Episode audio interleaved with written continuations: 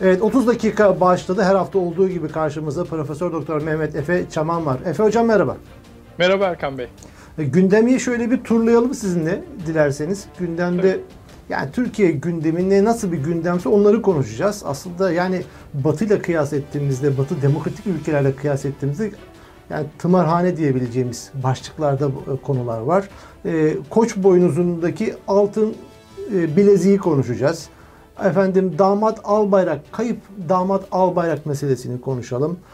Özlem Zengin Nick konuşalım. E, AKP Grup Başkan Vekili. E, onun çıkışları vardı. Bu hafta içerisinde bayağı konuşuldu ama şuradan dilerseniz başlayalım. Bugün e, grup konuşmasında Bahçeli inanılmaz bir tornistan yaptı. Belki dikkatinizi çekmiştir. E, Bahçeli bugünkü konuşmasında e, öğrencilere Boğaziçi Üniversitesi'ndeki öğrenciler o kadar mülayim, o kadar böyle yumuşak ifadeler var ki e, sevgili gençler birbirinizi kaybetmeyiniz. Öfkeniz olabilir, kızdıklarınız olabilir, tepkileriniz sivri olabilir, itirazlarınız sinirli olabilir. Fakat sizler bizim istikbalimizsiniz falan. Ondan sonra diyeceğiniz ne varsa söyleyin çözelim. Bunu bakın tekrar hatırlatıyorum. Bunları Devlet Bahçeli söylüyor. Neden tekrar hatırlatıyorum? Çünkü 20 gün önce aynı Devlet Bahçeli başı ezilecek zehirli yılan demişti Boğaziçi Üniversitesi'ndeki öğrencilere. Şimdi bunları duyan insanlar da kulağına inanamadı. Siz nasıl yorumladınız Efe Hocam bunu? Bu Tornistan'ı? Ee, muhtemelen rejim ve işte Devlet Bahçeli gibi rejimin e, destekçisi olan veya e, Cumhur İttifakı'nda olan, bu koalisyon içerisinde olan grup e, Boğaziçi olaylarının e, toplumdan çok ciddi anlamda bir sempati almasından, çok büyük bir destek görmesinden, birçok kesim tarafından e, sahip çıkılmasından bu gösterilere çok rahatsız oldu ve endişelendi muhtemelen rahatsız olmanın da ötesinde. Dolayısıyla bunun e, Gezi Parkı gibi kitlesel e, bir harekete dönüşmesinden ciddi anlamda bir endişe ettiklerini düşünüyorum. Çünkü çok kırılgan bir noktadalar. E, bunun e, işte fukaralıkla, işsizlikle ve diğer yapısal sorunlarla bir arada e, bir kar topundan çığa doğru e, evrilmesinden çok ciddi anlamda bir rahatsızlık duyuyorlar veya korkuyorlar anlamında yorumluyorum bunu. Burada tabii tam da bu hafta şöyle bir konuya denk geldi bu Bahçeli'nin bunun neden bu Tornistan'ın izahı kabilinden belki olabilecek. Ee, şu ana kadar son bir ay içerisinde yapılmış bütün anketlerin e, ortalamaları alındı. Orta, bu ortalamalara göre MHP bütün anketlerde baraj aldı. Hmm. Ortalamanın MHP'nin bütün anketlerdeki ortalaması kararsızlıklar dağıtıldıktan sonra bile %8.5. %8.5 evet. yani dip gidiyor. MHP dibe gidiyor. Burada da herhalde Bahçeli'ye birileri ya arkadaş sen bak böyle bunlara ne demişti biraz başı ezilecek zehirli yılan diyorsun ama oyların bilmem kaçta kaçı şu anda Türkiye'nin yeni Türkiye'de gençler oy veriyor. Herhalde birisi e, kulağını çekti diyemem Bahçeli için. Çünkü öyle bir ilişki yoktur e, parti içerisinde. Herhalde böyle bir korku da var anladığım kadarıyla ve Cumhur İttifakı'nın oyları bütün anket ortalamalarına göre 11 puan geride Millet İttifakı'na göre. AKP %36.4, MHP %8.5, CHP 24.5, İyi Parti %12, MHP de o kadar. HDP de o kadar %12. Hmm. Yani o kadar yüklendikleri HDP baraj üstünde ama rejimin ve iktidarın ortağı MHP baraj altında. Bunun da paniği olsa gerek. Evet yani bu tabii ki düşünülmesi gereken e, önemli bir nokta. E, tabii bu e, yani kamuoyu yoklamalarından elde edilen rakamlara dikkatli yaklaşmak lazım, temkinli yaklaşmak lazım. E, çünkü Türkiye mükemmel işleyen e, demokratik bir sistem olsa evet e, bunlar önemli göstergeler. Fakat e, seçimlerin güvenilirliği konusunda e, ve şeffaflığı konusunda çok ciddi problemler olacağı kanaatindeyim ben. Yani seçimlere e, bir taraftan bel bağlamak tabii ki e, yani tamamen seçimleri yok saymak mümkün değil. Çünkü Türkiye e, hibrit bir rejim. Yani Türkiye tam otoriter bir rejim değil. Tabii ki seçimler belli bir rol oynuyor. Fakat bu seçimlerin e, adil seçimler ve düzenli seçimler olduğunu yani e, tabii ki bu seçimlerin var olduğundan kimsenin bir şüphesi yok ama ne kadar acaba adil bu seçimler? Yani işte partilerin e, mesela televizyonlara çıkma oranı, e, haberlerde göz, gözükme oranı e, ve işte diğer yapısal problemler bunları alt alta getirdiğiniz zaman yani insan hakları ihlalleri, e, ifade özgürlüğü konusundaki ciddi sıkıntılar falan bunları yani bir arada ele aldığınız zaman e, demokrasinin çok böyle tam teşekküllü işleyebilecek bir sistem gibi gözüktüğünü ve e, böyle barışçıl bir şekilde sorunsuz bir şekilde iktidar devir teslimlerinin olabileceğini düşünmek şu anda çok akla yakın değil. Ee, yani analizlerde bunun da mutlaka dikkate alınması lazım. Peki e, diğer başlıklara Efe Hocam geçelim. Şimdi e, damat Berat Albayrak CHP bu konunun üzerine gidiyor. E, damat Berat Albayrak'ın bakan aynısı bakan eski bakan Berat Albayrak 8 Kasım'da istifa etti. Evet. O gün bugündür ortalıkta yok. Ee, ve CHP sorular soruyor ısrarla bu konuyla alakalı. 128 milyar doların nereye gittiğini açığa çıkmasını kim engelliyor diyor CHP. Döviz rezervimiz eksi 47 milyar dolara nasıl geriledi diyor. Bakan Albayrak'la alakalı konular bunlar çünkü. Dolar 8 liranın üstüne çıktı. Kimler kazandı? Ekonomiyi kimler çökertti? Neden istifa etti? Hani hasta diyorlar ama bir kişi de geçmiş olsun demedi. Ne hastası onu da bilmiyoruz. Ee, böyle bir şey var. İstifa neden haber olmadı? Koca bir ülkenin bakanı istifa etti. Kendi Twitter'ından mı yok Instagram'ından duyurdu. Ve Bakan Aybayrak kimler susturuyor diye ısrarla işin üzerine gidince ve kayıp aranıyor ilanları yapılmaya başlandı ve derken kayınpederi Erdoğan'dan açıklama geldi ve dedi ki ülkemizin pek çok kazanımında Berat Albayrak'ın imzası var dedi. Bunu başardığı için kuduruyorlar, çıldırıyorlar dedi. Ne diyorsunuz? Şimdi bunun yani çok e, magazinsel bir şey. Türkiye'de insanlar özellikle ana muhalefet partisi, Cumhuriyet Halk Partisi'nin ilgilendiği konular genellikle böyle magazinsel boyuttaki e, rejimle ilgili şeylere suya sabuna dokunmuyorlar ama genelde işte bu tip haberlere, bu tip e, muhalefet yapabilecekleri izlenimini yaratabilecek olaylara odaklanıyorlar. Berat Albayrak'ın bir kere şöyle yaklaşmak lazım. Berat Albayrak e, Tayyip Erdoğan'ın damadı ve e, onun damadı olduğu için o pozisyonlara geldi. Yani daha önceden Enerji Bakanı oldu, daha sonradan Ekonomi Bakanı oldu. Yani bütün bu statülere, bütün bu konumlara nasıl geldi Berat Albayrak? Herhangi bir siyasi kariyerle, işte bir parti içerisinde çalışmalarla veya kendisini işte bürokraside ya da özel sektörde e, çok başarılı bir şekilde e, prezente etmiş, lanse etmiş ve oradan dolayı seçilmiş bir e, önemli bir isim değil, bir teknokrat değil bir iş adamı background'u yok. Yani tamam ailesinin bir takım şirketleri vesaire falan var ama yani hem de yaşı gereği zaten böyle bir tecrübeye sahip olması mümkün değil. Dolayısıyla e, Berat Albayrak Osmanlı Türk idari geleneğinde bu damatlık şeyi çok önemlidir. İşte bir takım damat sadrazamlar vardır falan. E, damat e, e, yani Ferit işte Paşa vardır. Dam, damat e, nazırlar vardır, sadrazamlar vardır vesaire. Osmanlı damatlara bu kadar önem neden verdi? Çünkü aile içinden olan insanlara daha fazla güvenebiliyorsun. Yani Türk Türkiye'deki ve Orta Doğu'daki e, sistemlerde, politik sistemlerde e, bu klan aidiyetinin yanı sıra bir de aile aidiyeti çok önemli. Çünkü en çok güvenebildiğin insanlar e, ailenden olan insanlar. Sistem kişiler üzerine inşa edildiği için yani e, kurumsallaşmadığı için şu an Türkiye'de anayasasız bir rejim var. Dolayısıyla Berat Albayrak bu bakımdan tercih edilmişti falan. Yani Berat Albayrak'ı Tayyip Erdoğan olarak görmek lazım. Berat Albayrak'ın kendi başına bir başarısı veya başarısızlığı da söz konusu olamaz. Yani Tayyip Erdoğan'ın güdümünde hareket eden bir bakan. Bir başka nokta, ikinci nokta gene Berat Albayrak'la ilgili şunu demek lazım. Şimdi bakanların bu yeni sistemde bir ağırlığı yok. Çünkü eski sistemde, parlamenter sistemde biliyorsunuz kabine, e, başbakan ve bakanlar oluşturulur ve bunlar mecliste o oylanır ve meclisteki oylama sonucunda güven oyu aldıkları için hükümet olarak atanır meclis tarafından eski sistemde. Şimdi yeni sistemde böyle bir durum yok. Yeni sistemde e, bakanların parlamento ile alakalı herhangi bir bağları yok ve bunun dışında sadece Cumhurbaşkanı'nın ağzından çıkacak cümlelerle atanıyorlar. Yani iki, Cumhurbaşkanı'nın iki dudağının arasında bakanlar. Dolayısıyla mesela Cumhurbaşkanı yarın sabah uyanır, keyfi istediği şekliyle herhangi bir bakanı görevden alabilir, onun yerine başka birisini atayabilir. Hiçbir şekilde kimseye hesap vermek zorunda değil. Hatta bakanı atamaz, kendisi e, onu kendi uhdesine alır mesela o bakanlığı o şekilde de yürütebilir.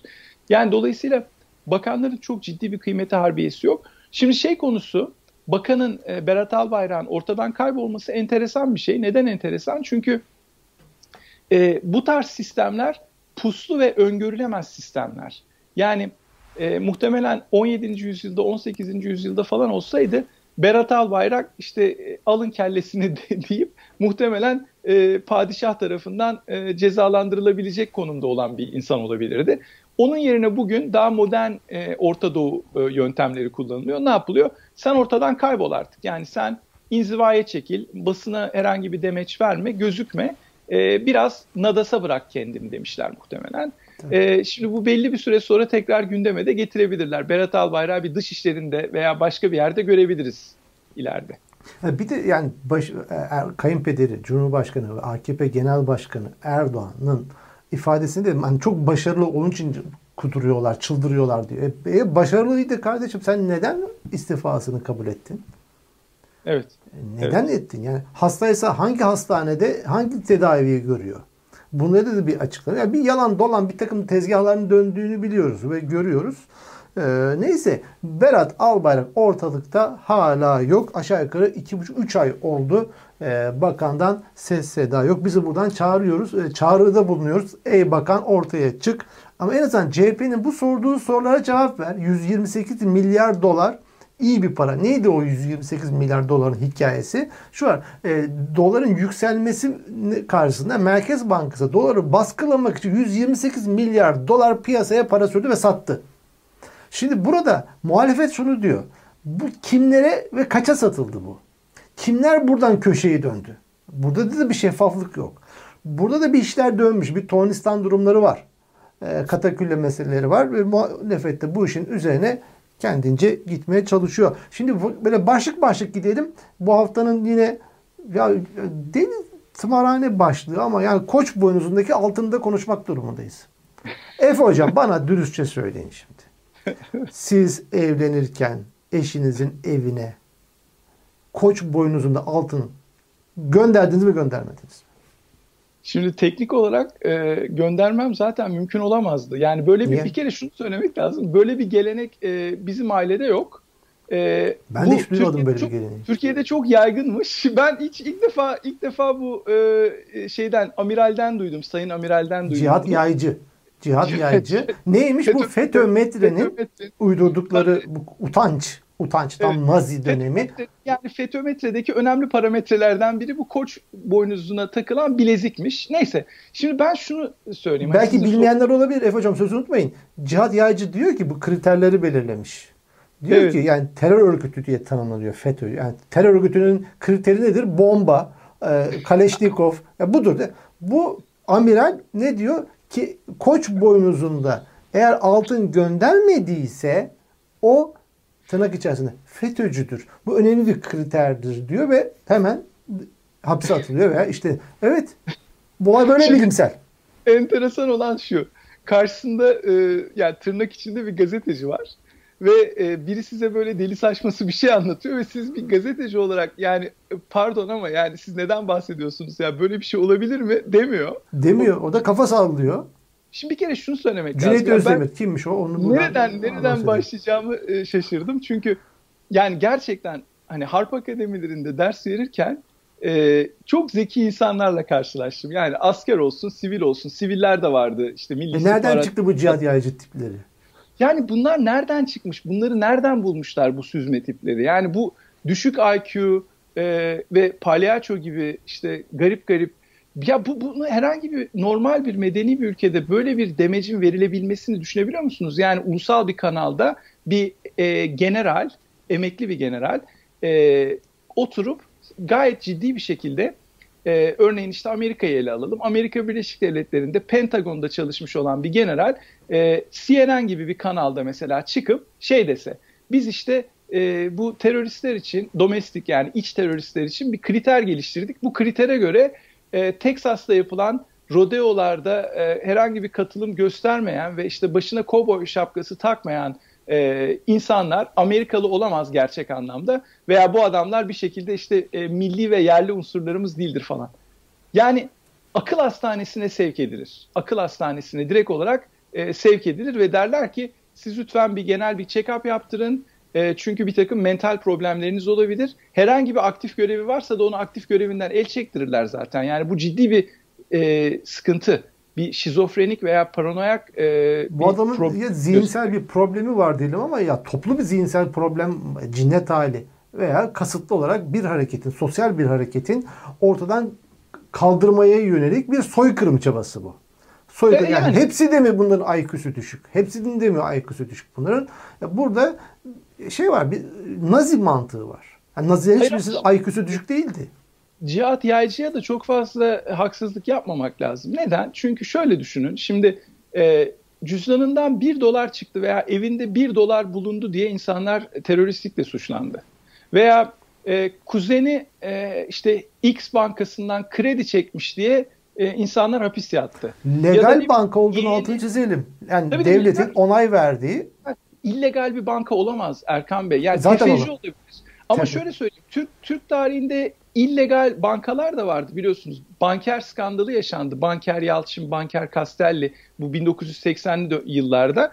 Yani dolayısıyla bu Türkiye'nin de hiç alışık olmadığı bir şey değil. Fakat tabii Bank Asya gibi bir banka normal işte denetimi açık devlet tarafından devlet onayıyla kurulmuş. Hatta açılışında işte e, başbakanların, bakanların falan boy boy poz vermiş olduğu falan. Yani bunları söylemeye bile gerek yok. Zaten herkes tarafından bilinen gerçekler. Yani şunu demek istiyorum. E, kermeste kuskus yaptı veya kısır yaptı diye insanlar içeri alındı terörist diye. Ya da ne bileyim işte e, dayısının oğlu e, bilmem ne dershanesine gitti diye insanlar FETÖ'cülükle suçlandı. Ee, işte ne bileyim filanca kasaptan alışveriş yapmışsınız ya da filanca mobilyacıdan mobilya almışsınız diyerek insanlar FETÖ'cülükle evet. suçlandı. Banka, bankaya para yatırdınız diye FETÖ'cülükle suçlandı. Bankadan para çektiniz diye FETÖ'cülükle suçlandı. Yardım kampanyasına katıldınız diye suçlandı falan. Şimdi bunların olduğu bir ülkede, bunların normal kabul edildiği bir ülkede e, işte bu tarz palyaço gibi bir generalin çıkıp böyle bir açıklama yapması da kabul görüyor. Ve işin kötü tarafı zaten o generalin çıkması falan değil. Toplumun bu tip şeylere inanması.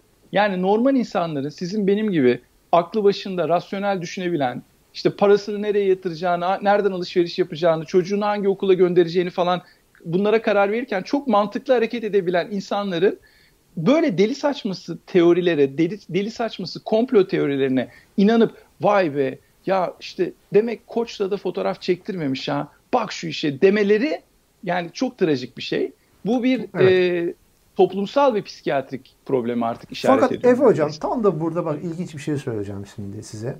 Evet bu toplum Türkleri Türklerde var oldu bu problem. Geçen bir dostum söyledi ki eski siyasal Kürt hareketinde önemli noktalara gelmiş bir dostum. Telefonda konuşuyorduk. Ee, dedi ki bak dedi şimdi burada şu anda bir soykırım uygulanıyor. Yani cadı avı, Gülen hareketine, hizmet hareketine yönelik. Devlet bu insanlara terörist diyor. Babası bile ona inanıyor. Babası evinden kovuyor. Dedesi kovuyor. Toplum akrabaları dışlıyor. Fakat dedi Kürtler arasında bu hiçbir zaman olmadı. Devletin terörist dediği yakını hakkında böyle bir şey hiçbir zaman olmadı bizde dedi. Siz Türklerde oluyor bu dedi.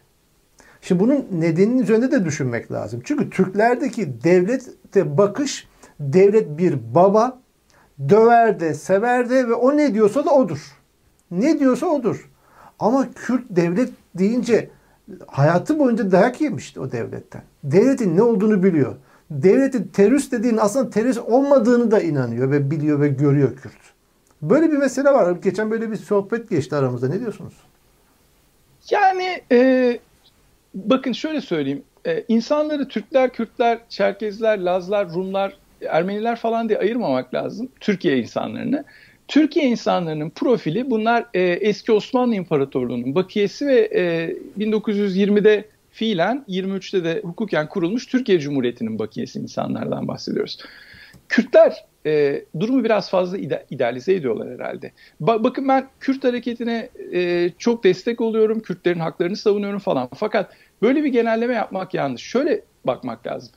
Kürt hareketine destek olmayanları zaten Kürt hareketi e, Kürt olarak kabul etmiyor. Yani Kürt olarak kabul etse bile bunları işte asimile olmuş veya işte vesaire hani kendileriyle paralel düşünmeyen insanları bir ayrı bir kategori olarak ele alıyorlar. Aynı şekilde muhafazakar kesim kendisi gibi olmayan işte cemaat gibi veya işte yeni Asyacılar gibi veya başka bir takım e, işte kendilerinin e, paradigmasını kabul etmeyen grupları kendilerinden kabul etmiyorlar. Aynı şekilde solcular gene kendi gruplarının dışında olan bir takım gruplara TÜKAK muamelesi yapıyorlar. Yani Türkiye'de şöyle bir sıkıntı var. E, herkes bundan muzdarip. E, bir arada ortak akıl geliştirebilmek ve ortak söylemler geliştirebilmek konusunda ciddi problemler yaşıyoruz. Ben mesela 15 yıl Almanya'da yaşadım. Almanların Türklerden en önemli farklılığı ne diye soracak olursanız bana göre bir arada çalışabilme ve bir arada organize olabilme güçleri. Yani e, bu bütün toplumlarda aşağı yukarı böyledir. Yani bir toplumun başarılı olabilmesi için bir arada hareket etmesi lazım. Şunu söyleme, söylemek istiyorum. Yani Kürt e, Kürtler Türklerden daha farklı değil. Fakat tabii ki Kürtler devletten daha fazla baskı gördükleri için belki devlete devletin söylemlerine biraz daha az inanıyorlar artık veya devleti biraz daha az idealize ediyorlar. Türkler belki biraz daha fazla e, devleti putlaştırıyorlar falan. Ha Kürtler devletin sahibi olsaydı nasıl olurdu onu da düşünmek lazım. Düşünmek yani lazım Kürtler, ama bu evet, devlete bakış ilişki, yani Kürtlerle PKK arasındaki ilişkiye bak. Yani Kürtler de PKK'ya mesela çok ciddi anlamda e, sorgulayıcı ve eleştirel yaklaşmıyor bana göre. Önemli eksiklerden evet. bir tanesi. Bu, yani, belki devlet belki bu topraklarda çok kutsal belki Kürdüyle Türküyle ama buradaki belki soru şu. Türk devletinin yapmış olduğu şeylere ve söylemlere Türkler ne kadar inanıyor, Kürtler ne kadar inanıyor sorusu aslında daha doğru soru bu. Yani Türk devletinin senin oğlun terörist dediğinde Türk inanıyor. İşte yani çoğunluk olarak inandığını gördük. En azından inanmayanlar da var. Yani hepsi böyle demiyoruz ama ama Kürtlerde bu kadar yaygın olmadığını görüyoruz. Yani Türk devleti aynı şey karşısında eşine ve dostuna, akrabasına böyle yapmıyor. Evinden kovmuyor. Buna katılmıyor musunuz? Ee, yani şöyle bir farklılık görüyorum. Kürt hareketinde devletin terörist dediği insanlar zaten e, daha çıkmış gerillalar. Yani dolayısıyla... Öyle, ya siyaset yapan adama terörist diyorlar Efe Hocam. Yok, Adam hapiste Selahattin Demirtaş. O çok ayrı bir olay. Yani o, onu zaten hiç tartışmam bile ben. Yani Kürtlerin yani, seçilmiş yani devlet olan... herkese terörist diyor. Onu diyorum yani. Yani devletin e, tabii ki herkese terörist demesi çok ciddi bir sıkıntı. Yani çok ciddi bir sıkıntı. E, fakat e, yani Gülen cemaatine ve bugün takibat altında olan KHK'lara yapılan olay çok daha farklı bir şey. Yani devlete herhangi bir şekilde bir direniş veya bir başkaldırı söz konusu değil bu grupta. Yani Gülen cemaatini veya e, bu e, işte KHK'lı grupları bana göre en güzel karşılaştırabileceğiniz örnek Almanya'da Nazi Almanya'sında Yahudilerin başına gelenler. Evet. Veya e, mesela Amerika Birleşik Devletleri'nde e, siyah Amerikalıların 1960 öncesi yaşadıkları o e, büyük işte ırkçılık ve ayrımcılık. ha bu bugünkü yaşadığımız ortamda ırkçılık olarak tezahür etmiyor belki KHK'lılara veya e, Gülen cemaatine karşı. Fakat ciddi anlamda e, sosyal manada ve retorik manada bir soykırım söylemi var. Evet, evet. Yani burada şunu demek lazım. Devletin karşısında herhangi bir güç yok ki. Mesela devletin herhangi bir sol örgüte veya herhangi bir e, etnik milliyetçi örgüte siz teröristsiniz demesi ayrı. Yani çünkü bir direniş var, bir başkaldırı var veya Gezi'deki olaylarda mesela Gezi'dekilere terörist demesi ayrı bir kategori. Bunlar gene terörist değil belki. Fakat e, yani şu an yaşanan KHK'ların ve Gülen cemaatinin başına gelenlerin yani herhangi bir devlete başkaldırıyla falan alakası yok ki. Yani 15 Temmuz'u bir şekilde cemaate yamamaya çalışıyorlar ama bu konuda çok ciddi evet. anlamda bir kanıt eksikliği var falan. Evet. Yani bunlar hani elmalarla armutlar çok farklı, ciddi farklı diyorsun.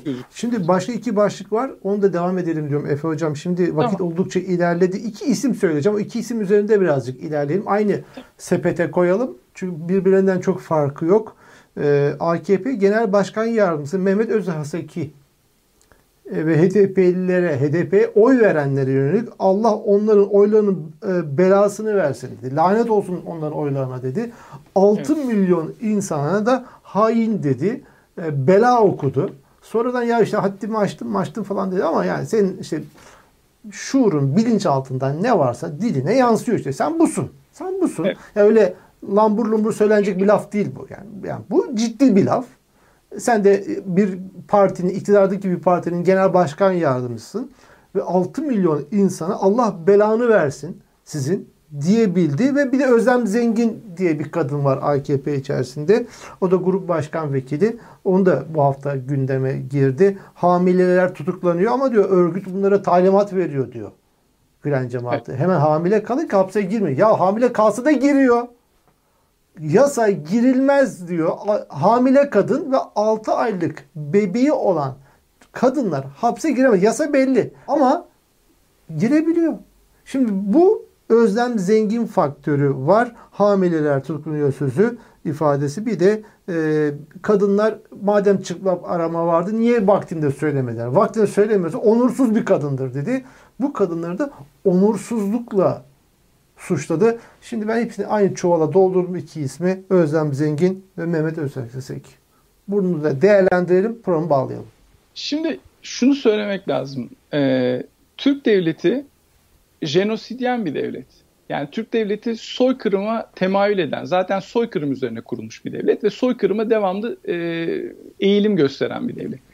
Kürtlerin 1920'lerle 2020'ler arasındaki 100 yıllık geçmişine baktığınız zaman bu 100 yıllık geçmiş bir asimilasyon tarihi. Yani Kürtler Türkiye'de ne mutlu Türk'üm demedikleri sürece yani Kürt olma özelliklerini gündeme taşımadıkları, folklorleriyle, dilleriyle, edebiyatlarıyla bağlarını kesmedikleri sürece ötekileştirildiler. Yani bir kere bunu mutlaka sosyal bilimsel bir gerçek olarak kabul etmek lazım. Ben bazı insanların yani Türkiye kökenli özellikle e, ana dili Türkçe olan Türkiye kökenli insanların bunu kavramakta zorlandıklarını görüyorum ve ciddi anlamda bir devlet fetişizmi ve devleti putlaştırma yaklaşımı içinde olduklarını görüyorum. Şimdi bu bahsettiğiniz münferit bir hadise değil yani bir politikacının çıkıp HDP'ye oy veren ciddi anlamdaki milyonluk kesimleri e, ötekileştirmesi, şeytanlaştırması, demonize etmesi bu yeni bir şey değil. Bu Türkiye Cumhuriyeti tarihi boyunca böyle oldu. Yani Hikmet Çetin e, çok işte makbul bir insan olarak kabul edildi. Niye? Çünkü Hikmet Çetin hiçbir zaman Kürt olduğunu e, ortaya koymadı. Kürtçe bir şarkı söylemedi. Kürtçe işte ya serbest olsun demedi. Kürtçe isimler verilsin insanların çocuklarına verilebilsin demedi. Ne dedi? Ne mutlu Türk'üm diyene dediği için makbul insan oldu. Turgut Özal benim anne tarafım Kürt dedi. Fakat hiçbir zaman Kürtlere yönelik olarak bir reform vesaire olaylarda ön planda birinci derecede bir takım politikalar yapmadı. Makbul bir Kürt oldu. Hatta Cumhurbaşkanı oldu. Şimdi şunu demek istiyorum. Türkiye'de böyle patolojik bir geçmiş var. Bu patolojik geçmişle, bu, bu, bu kimlikle yüzleşmek lazım ve bunu e, parçalarına ayırarak daha modern, daha e, kapsayıcı bir kimlik üretmek lazım. Bu bizim görevimiz değil ama bunu söylemek bizim görevimiz. Bu kimliği biz üretemeyiz. Şeye gelince, özlem zengin meselesine gelince bu da jenosidyen devlet. Yani onu aynı çuvala koyduk dediniz ya Erkan Bey. Bu da jenosidyen devletle, soykırımcı devlet geleneğiyle alakalı olan bir şey. Nedir bu? Hoşlanmadığınız veya tehlikeli gördüğünüz bir grubu ana gruptan önce izole etmek, sonra bu grubu şey, şeytanlaştırmak, demonize etmek, sonra bu grubun bütün meşruiyet zeminini, anayasal haklarını vesaireleri yok etmek ve ondan sonra da bu grubu e, yavaş yavaş e, soykırıma uğratmak. Şu anda tabii fiili olarak bir soykırım yapamıyorlar. Yani toplama kampları oluşturamıyorlar. Çünkü 21. yüzyıldayız ve uydulardan gözükecek bu. Aynı Çin'in Uygurlara yaptığı hadise gibi olacak. Bunu yapamadıkları için ne yapıyorlar? İnsanları açlığa terk ediyorlar, ötekileştiriyorlar. Şimdi Özlem Zengin'in söylediği şeyleri içerik olarak tartışmaya gerek bile yok zaten. Yani diyor ki insanlar e, aldıkları direktif üzerine hamile kalıyorlar. Ya bunu bir insanın söyleyebilmesi için önce insan olmaması lazım zaten. Yani insan haklarına, hukukuna saygılı olan bir insanın bırakın kadın haklarını, genel anlamda insan haklarına saygılı olan bir insanın bu cümleyi ağzına alması bile e, çok ciddi anlamda bir problem. Bu insanın zaten devlette önemli bir görevi olması, bir partinin sözcüsü veya önemli bir konumunda bulunması zaten çok ciddi bir skandal. Evet. Fakat bir de bu kadın, bunun bir kadın olması ve bunu bir kadın kimliğiyle yapıyor olması çok daha ayrı bir dram. Evet. Şimdi şunu söylemek lazım. Türkiye'de e, Gülen grubu, Kürtler veya başka bir takım insanlar ciddi anlamda şeytanlaştırıldı, ciddi anlamda ötekileştirildi ve bu nefret söylemi, bu şiddet kültürünün e, önümüzdeki dönemde çok ciddi anlamda bir problem olabileceğini düşünüyorum ben. Yani Türkiye'de hiç istenme, istenmeyen olaylar gündeme gelebilir. Yani biri çıkıp şimdi bu, bu kadınlardan bir tanesini öldürse, ona bir kötülük yapsa, onun çocuğuna bir kötülük yapsa, e, bu olayın tetikçisi veya e, provokasyonunu yapan insan kim olacak? Özlem Zengin. Çünkü evet. gündemde çok önemli bir konu haline geldi bu bakın. Ve insanlar e, şöyle düşünüyorlar. E, robot gibi bu adamlara talimat veriliyor. Bu adamlar e, işte kendi tırnak içinde örgütlerinden almış oldukları talimata göre hareket ediyorlar. Hatta çocuk yapıyorlar. Efe Hocam ben size kimin talimat aldığını ispatlayayım mı? Bakın şimdi Özlem evet. Zengin üzerinden. Tarih 29-11-2017. Özlem Zengin diyor ki kadınlar çok zor durumda. Kadınlar gördüğü şiddeti söyleyemiyor. Hiç kimseyle paylaşamıyorlar. Tarih 18-2-2021. Yine Özlem Zengin. Onurlu, ahlaklı kadın açıklamak için bir sene beklemez. Şimdi bu kadına Şimdi burada şunları söyle diyen bir arkada bir mekanizmanın da olduğunu da düşünüyorum. Yani kendi de artık o sistem içerisinde neler söylenmesi gerektiğini de çok iyi öğrenmiştir. Öğrenmiştir. Ama bu kadın daha önce böyle söylerken bugün tam tersini söyleyebiliyor. İşte al sana hangi kendi örgütünden hangi talimatla nasıl tornistan yaptığının göstergesi. Evet. Yani şöyle e, yani üzerine giymiş olduğu üniforma tırnak içinde. Çünkü İslamcılar biliyorsunuz işte başörtüsünü vesaire konuları e, birinci derecede siyasi hedef olarak aldılar hep. E, üzerine giy, giymiş olduğu üniforma gibi kullanmış olduğu başörtüsü dışında hiçbir özelliği olmayan bir insandan bahsediyoruz yani. Açık söylemek gerekirse yani Özlem Zengin'in siyasi kariyerinin e, üzerine kurulmuş olduğu, inşa edilmiş olduğu şey siyasi e, İslam.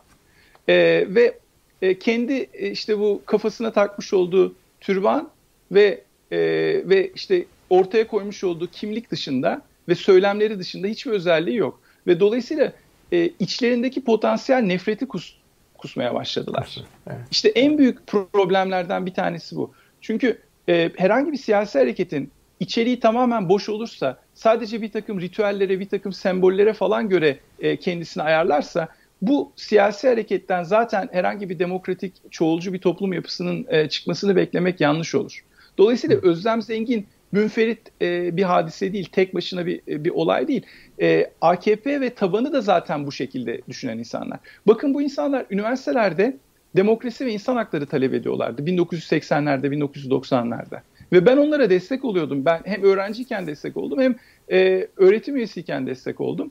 Fakat bizim verdiğimiz destek, benim gibi insanların, liberal insanların vermiş olduğu destek e, demokratik haklarını kullanma desteğiydi. Şimdi bakıyorsunuz kendileri muktedir olduktan sonra aslında o talep ettikleri demokrasiyi ve insan haklarını sadece kendileri ve kendi gibi olanlar için talep ettiklerini görüyorsunuz. Yani hatta şöyle de söyleyeyim. Özlem Zengin ne diyor başka bir röportajında biliyor musunuz? Ya diyor bunlar diyor aslında hapise girmeden önce hiçbir tanesinin başörtüsü de yoktu zaten diyor. Hapise girdikten sonra diyor başörtülü kadınlar hapise alınıyor bak diyebilmek için başörtüsü taktılar bunlar diyor. Yani bunlar şunu söylemek lazım. Yani başörtüsüne nasıl yaklaştıklarını görüyor musunuz burada Erkan Bey? Yani başörtüsüne Baktım tamamen onu bir görüyor. olarak. Tabii. Yani baktığı zaman onun açısından başörtüsünün altındaki o başın içindeki duygular veya o yürekteki e, duyguların hiçbir önemi yok. Yani o, anlatabiliyor muyum? Baktım başörtüsünü görüyor şekil. ama başörtüsünden nasıl sömürü elde edebilirim? Nasıl Ve menfaat din, elde edebilirimi görüyor. Bakın ahlaksızlaştırılmış bir dine inanıyorlar. Bu ahlaksızlaştırılmış dinin tek özelliği ritü, ritüeller. Yani ritüeller evet. dışında hiçbir dinleri yok. Ritüel nedir? İşte beş vakit namazını kılıyor, orucunu tutuyor, abdestini falan alıyor. Yani ritüel anlamda bunları yapıyor. Ama bunların içi boş. Yani bunun içinde herhangi bir ahlak veya iyilik yok. İyilik. Yani goodness, iyilik yok içinde. Bu içinde iyilik olmadıktan sonra siz 5 vakit değil 25 vakit namaz kılsanız ne fark eder? Yani evet. e, böyle bir konsept geliştiremediler. Siyasi İslam budur zaten. İslamcılık tamamen budur. İslamcılık dinlerini siyasi bir alete, bir enstrümana indiriyor. Ve aslında dinlerine de en büyük zararı bu veriyor. Çünkü bugün İslam'ın e, algılanış şekli İslam ülkeleri dışındaki algılanış şekli tamamen bu insanların çizdiği profile göre algılanıyor. Olumlu bir imaj oluşması mümkün değil. Çünkü içinin boş olduğunu herkes görüyor. Bakın bir teneke kutu gibi tın tın böyle vurduğunuz zaman içinde bir boşluk var. Neden? Çünkü bu boşluğu ahlakla doldurmadığınız zaman, iyilikle doldurmadığınız zaman o ritüellerin hiçbir önemi yok. Başörtüsünün de bir önemi yok. Beş vakit namazın da bir önemi yok. Orucun da abdestin de bir önemi yok. Fakat işte Özlem Zengin ve onun geldiği siyasi ekol sadece kendilerinin siyasi menfaatlerini ve kısa dönem menfaatlerini düşündükleri için onların umurunda da değil. Yeni bir din yaratmışlar, yeni bir din evet. oluşturmuşlar. Ona inanıyorlar. Evet. Programımızın da sonuna geldik. Yunus Emre ne güzel söylemiş değil mi? Bir gönül kırdı isen bu kıldığın namaz değil demiş. Evet. evet. Söylemiş sözü. Keşke herkes, Kulakları keşke herkes olsun. Yunus gibi olsaymış. Keşke evet, e, evet. o ekol e, yerleşseymiş e, memleket. Evet. Peki. Bu programın da sonuna gelmiş olduk. Mehmet Efe Hocam haftaya görüşmek üzere. Çok teşekkür ederim Erkan Bey. Görüşmek üzere.